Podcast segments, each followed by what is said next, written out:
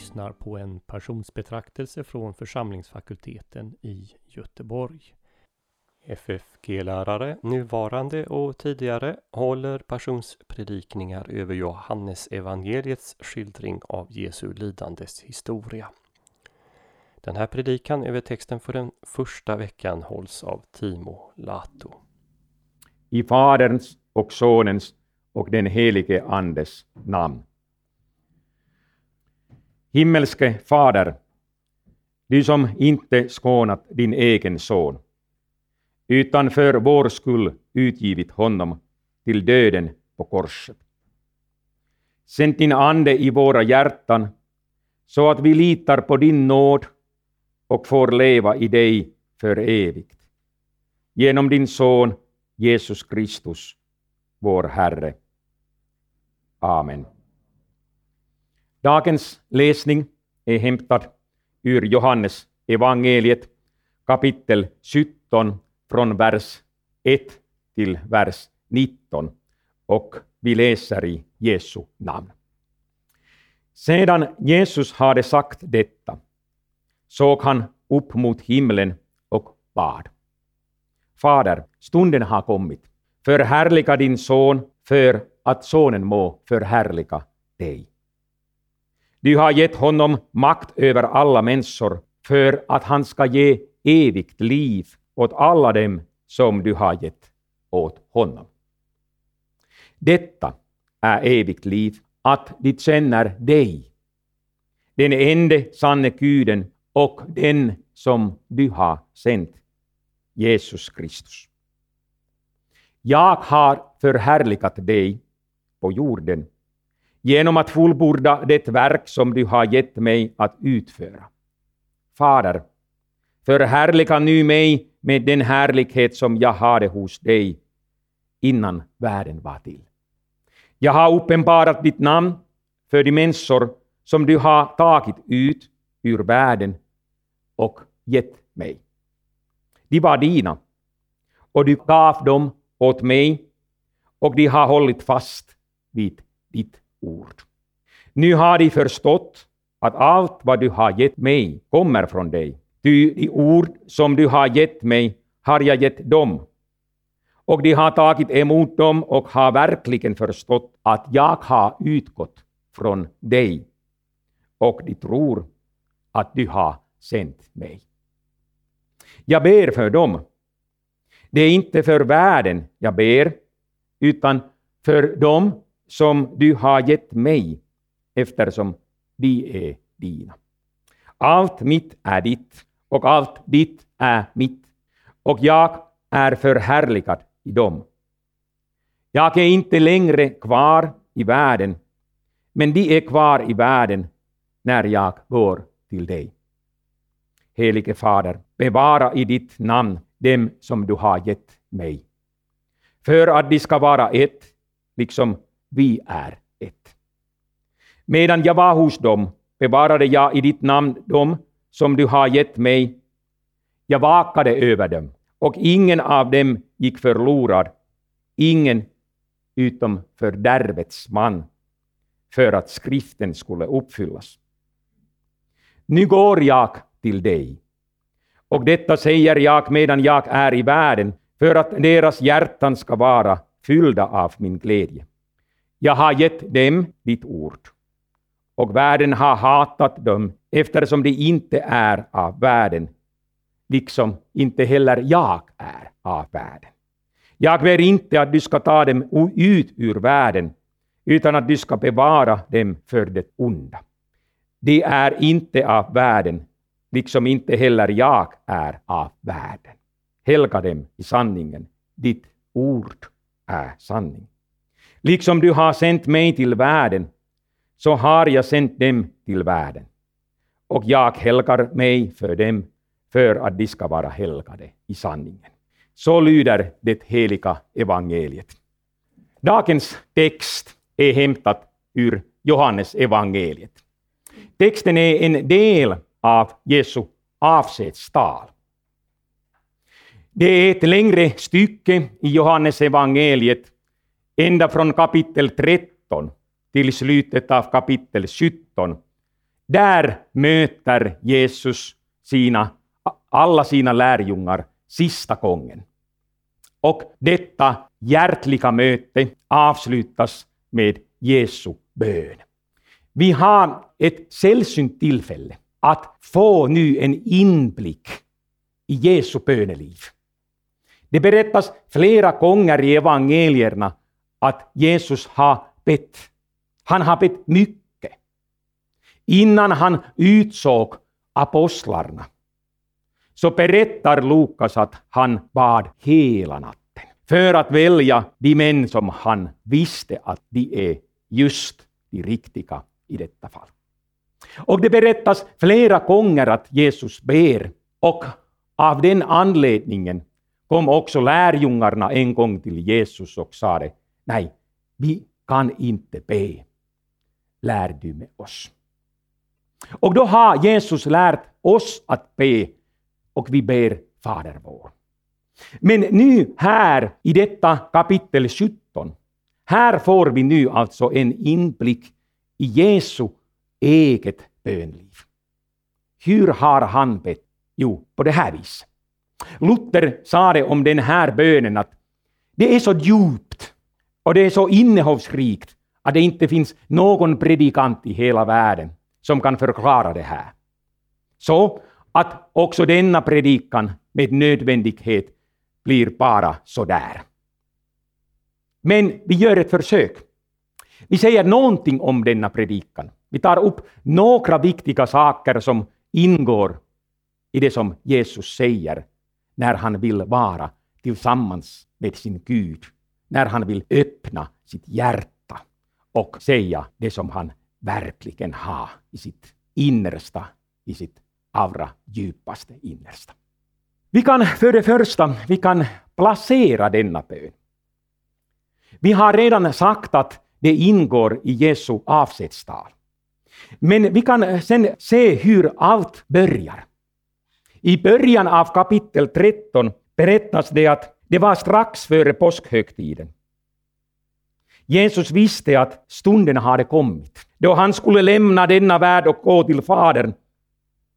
Sen säger Johannes, han hade älskat sina egna här i världen och han älskade dem in i det sista.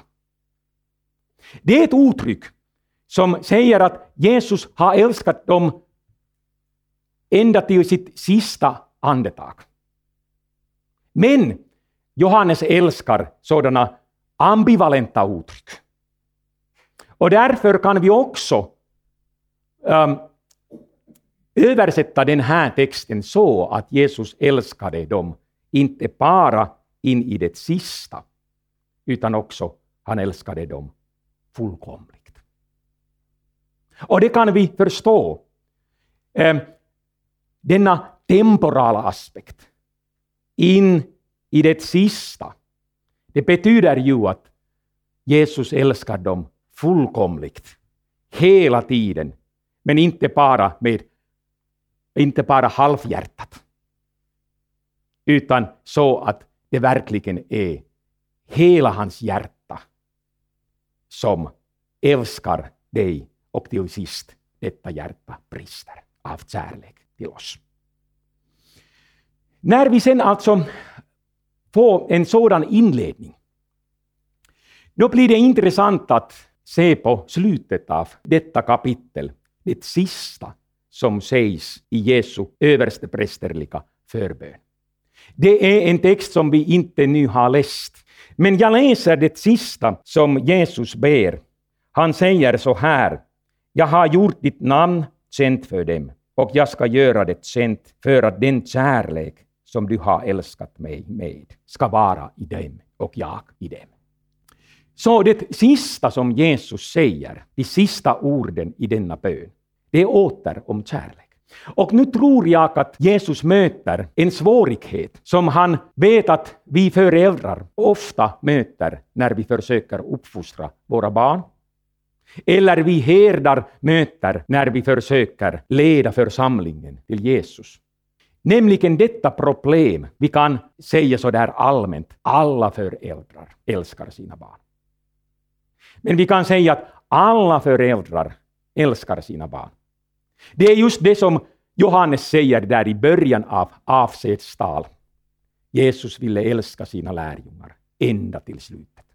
Men sen problemet som vi föräldrar möter i familjen är ofta det här att hur upplever våra barn? Vad säger de? Flera gånger kan föräldrarna stöta på det faktum att den kärlek som du har, den kärlek som du visar att barnen inte kan ta emot det, inte märker det. Det går liksom på något sätt förbi dem. Du älskar, men barnet tänker, jag har inte blivit älskad.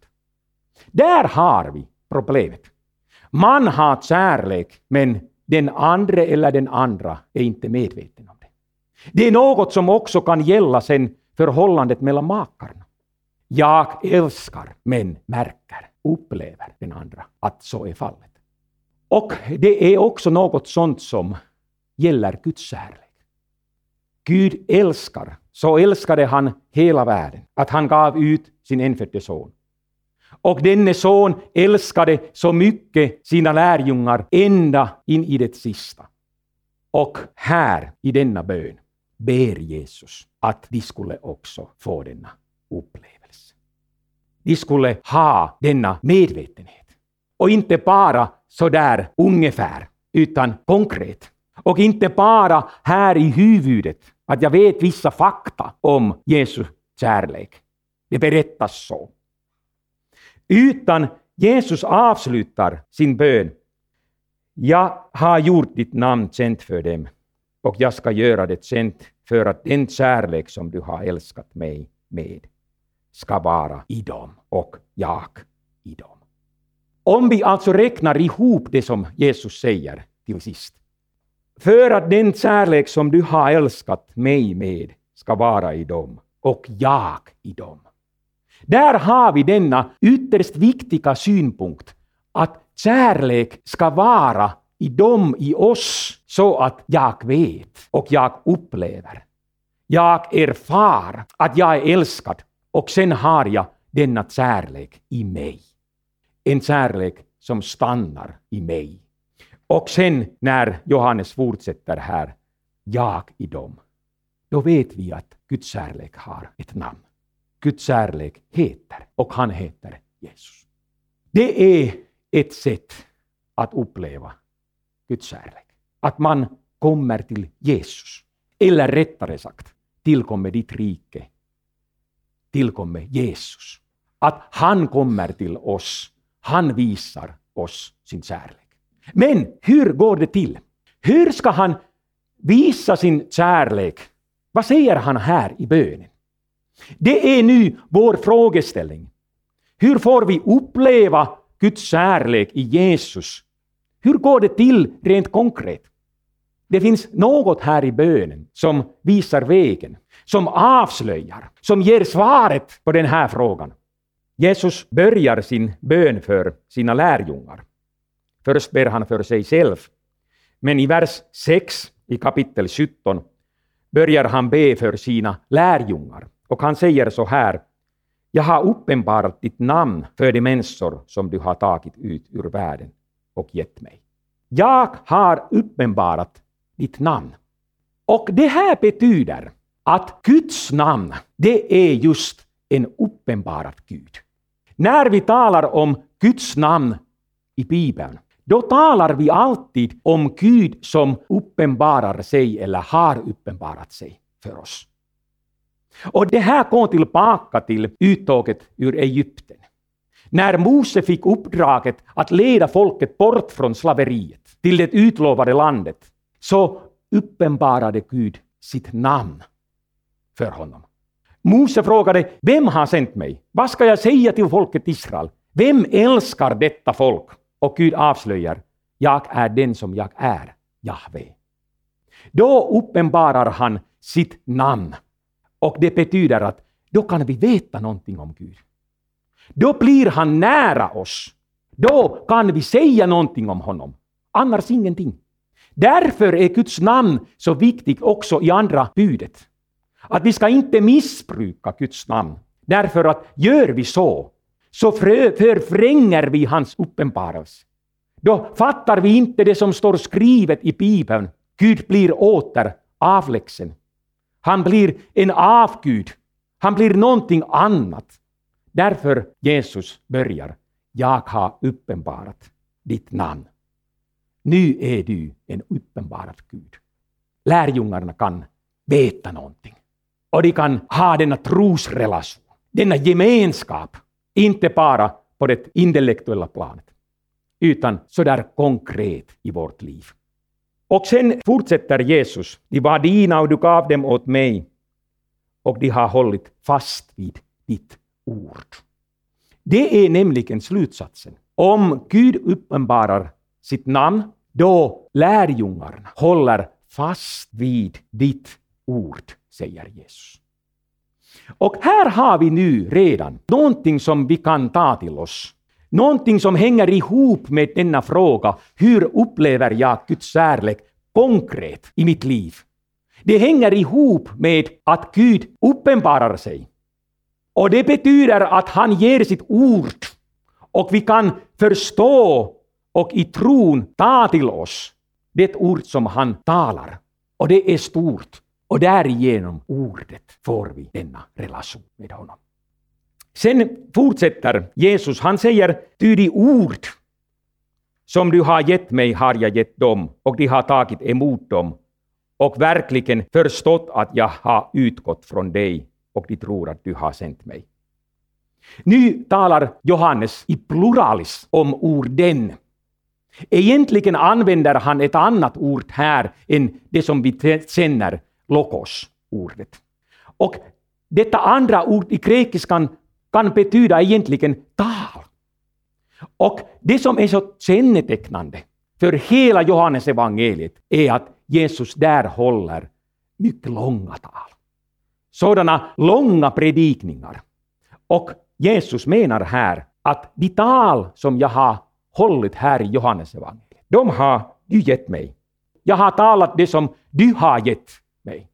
Och sen fortsätter Jesus att de har, mina lärjungar, de har tagit emot dem och därför verkligen de har förstått att jag har utgått från dig och de tror att du har sänt mig. Så att åter är det fråga om att hålla sig till ordet. Det kan vara svårt idag, därför att ordet betyder nu för tiden att det är bara ord. Och i värsta fall, ord betyder att det är falska ord. Vi talar på engelska, vi talar om post-truth politics. Jag tror att ni på svenska ni översätter det här postfaktisk politik.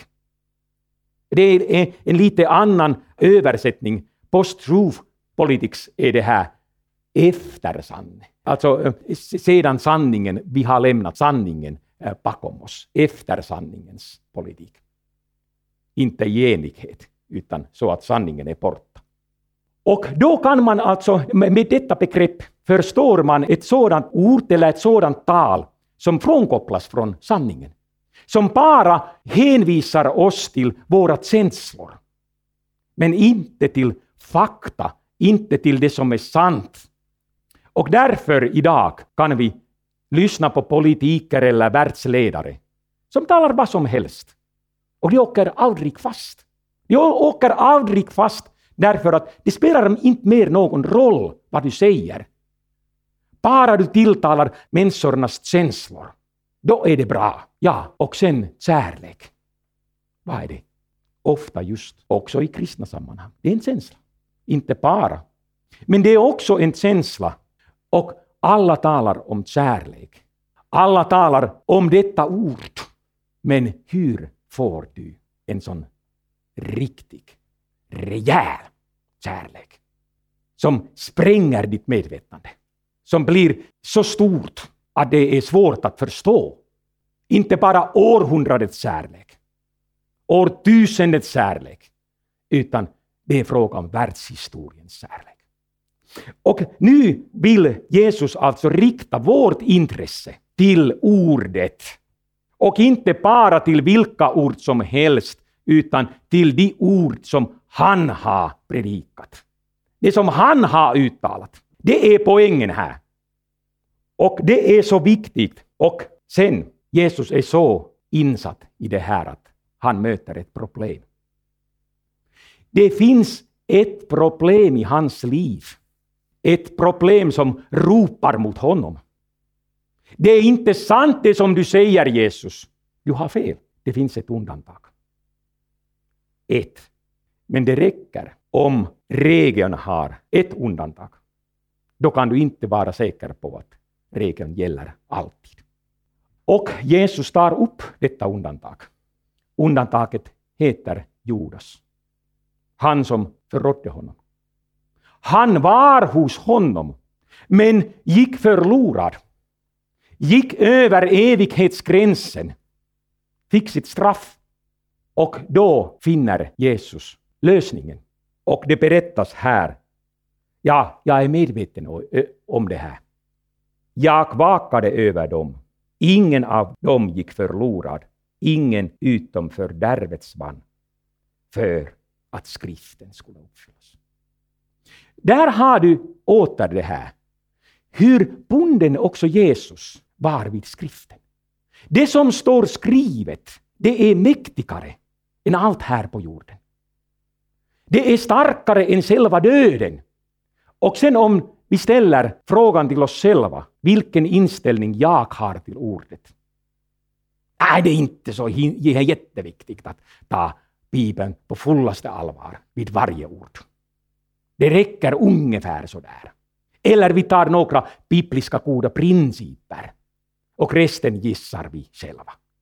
Så går det inte. Så där upplever du aldrig det som Gud vill ge dig. Också Kristus märker att han är bunden vid sitt ord, det som står skrivet, och det gör han gärna. Men nu när Jesus förklarar att det fanns ett undantag, och detta undantag kan vi förklara med hjälp av skriften, då kan du vara säker på att du är inte ett undantag. Du är inte undantag i Jesu ögon om det inte själv gör dig till ett undantag. Om du inte själv bortser från ordet, om du inte lämnar ordet åt sida och tänker att ja, det är bra också utan ordet, eller det räcker med några enstaka riktlinjer från ordet. Nej, då förlorar vi allt. Vi lever av varje ord, säger Jesus. Av vartenda ord som kommer ur Guds mun. Och sen, vi fortsätter. Det sägs sen att ehm, Jesus säger så här, detta säger jag medan jag är i världen. Och sen tillägger han, och jag läser här nu den gamla översättningen. Han säger så här, detta talar jag för att de skulle hava min glädje fullkomlig i sig. Tänker du på det? En fullkomlig glädje. Jämte kärlek, det är någonting som människorna är ute efter. Och nu vill jag inte psykologisera kyrkans budskap och säga att nej, det är som ni är ute efter, sist och slutligen allt får ni här i kyrkan, kom bara hit. Det är inte så lätt. Det kan vi säga att det här får vi i kyrkan. Men du kommer ihåg vad Jesus sa det under den förutsättningen att han talar. Han säger någonting och därigenom får ni glädje. Åter, jämte kärlek, denna glädje, det är någonting som hänger ihop med Jesu ord. Innan Jesus för övrigt, innan han började denna översteprästerliga bön, säger han så här. Detta har jag talat till er för att ni ska ha frid i mig. Också nu. Jag talar för att er glädje skulle bli fullkomlig. Jag talar för att er frid skulle bli påtaglig. Jag talar och det ser någonting. När Jesus säger så är det inte tomma ord. Det är alltid Guds, skaparens kreativa ord. Det skapar det som han säger. Och den människa som har upplevt en oerhört djup frid i en ångest. Den som har för en gångs skull mött en stor glädje, då kan också dagens människor säga att det är något heligt i en sån situation. När jag gifte mig, när jag såg in på min hustrus ögon, vilken glädje, det är något heligt. Eller om jag upplever alltså en, en sådan djup frid i mitt innersta. Efter att boss där på arbetsplatsen har skylt ut mig. Efter att allt har gått fel. Plötsligt får jag uppleva en inre frid. Då kan man också säga att det är något heligt. Och vet du vad? Det är just det som Jesus också ber. Han säger helga dem. Helga dem i sanningen och han fortsätter ditt ord. Det är sant. Vi ser i denna bön hur mycket Jesus understryker vikten att lyssna. Roligt att se dig här. Roligt att du har kommit till att höra på honom. Därför att din frid, din glädje, denna kärleksrelation hänger ihop med det som du hör nu. Hör du på Jesus? Tar du hans ord till ditt innersta? Så får du allt det här. Men det är inte möjligt om kyrka, om vi enskilda kristna, om vi inte helgar Guds ord. Om vi inte tar Guds ord på fullaste allvar, och jag upprepar på fullaste, på fullaste allvar. Allt rasar ner, vänder vi våra blickar bort från Guds ord. Men om du har Guds ord, så må vi sjunga som Luther, att hela världen och kosmos må vara full av demoner, onda andar, men vi håller oss till ordet. Och ordet bär, ordet vinner. Och den som har ordet i sitt hjärta, han vinner också. Så du är älskad. Därför må Gud ge dig frid och glädje i ditt hjärta. Du är älskad därför att Guds ord, evangelium, förkunnade till dig. Amen. Vi ber. Outsägligt stor Herre Jesus, var din kärlek till oss fallna människor. Att du för vår skull blev människa och led smälek, ångest, pina och död för oss syndare, som annars måste evigt dö. Hjälp oss att alltid i vårt hjärta bevara och i tro ta emot denna välgärning och ditt ord. Och uppväck våra hjärtan att tacka och lova dig och Fadern och den helige Ande. Hjälp oss att alltid leva ett kristet liv och i all nöd och motgång trösta oss med att du är vår frälsare som har förlossat oss från dödens och djävulens våld och som slutligen ska ta oss från denna möd mödosamma värld till dig i himmelen, där vi för evigt ska prisa och lova dig. Amen.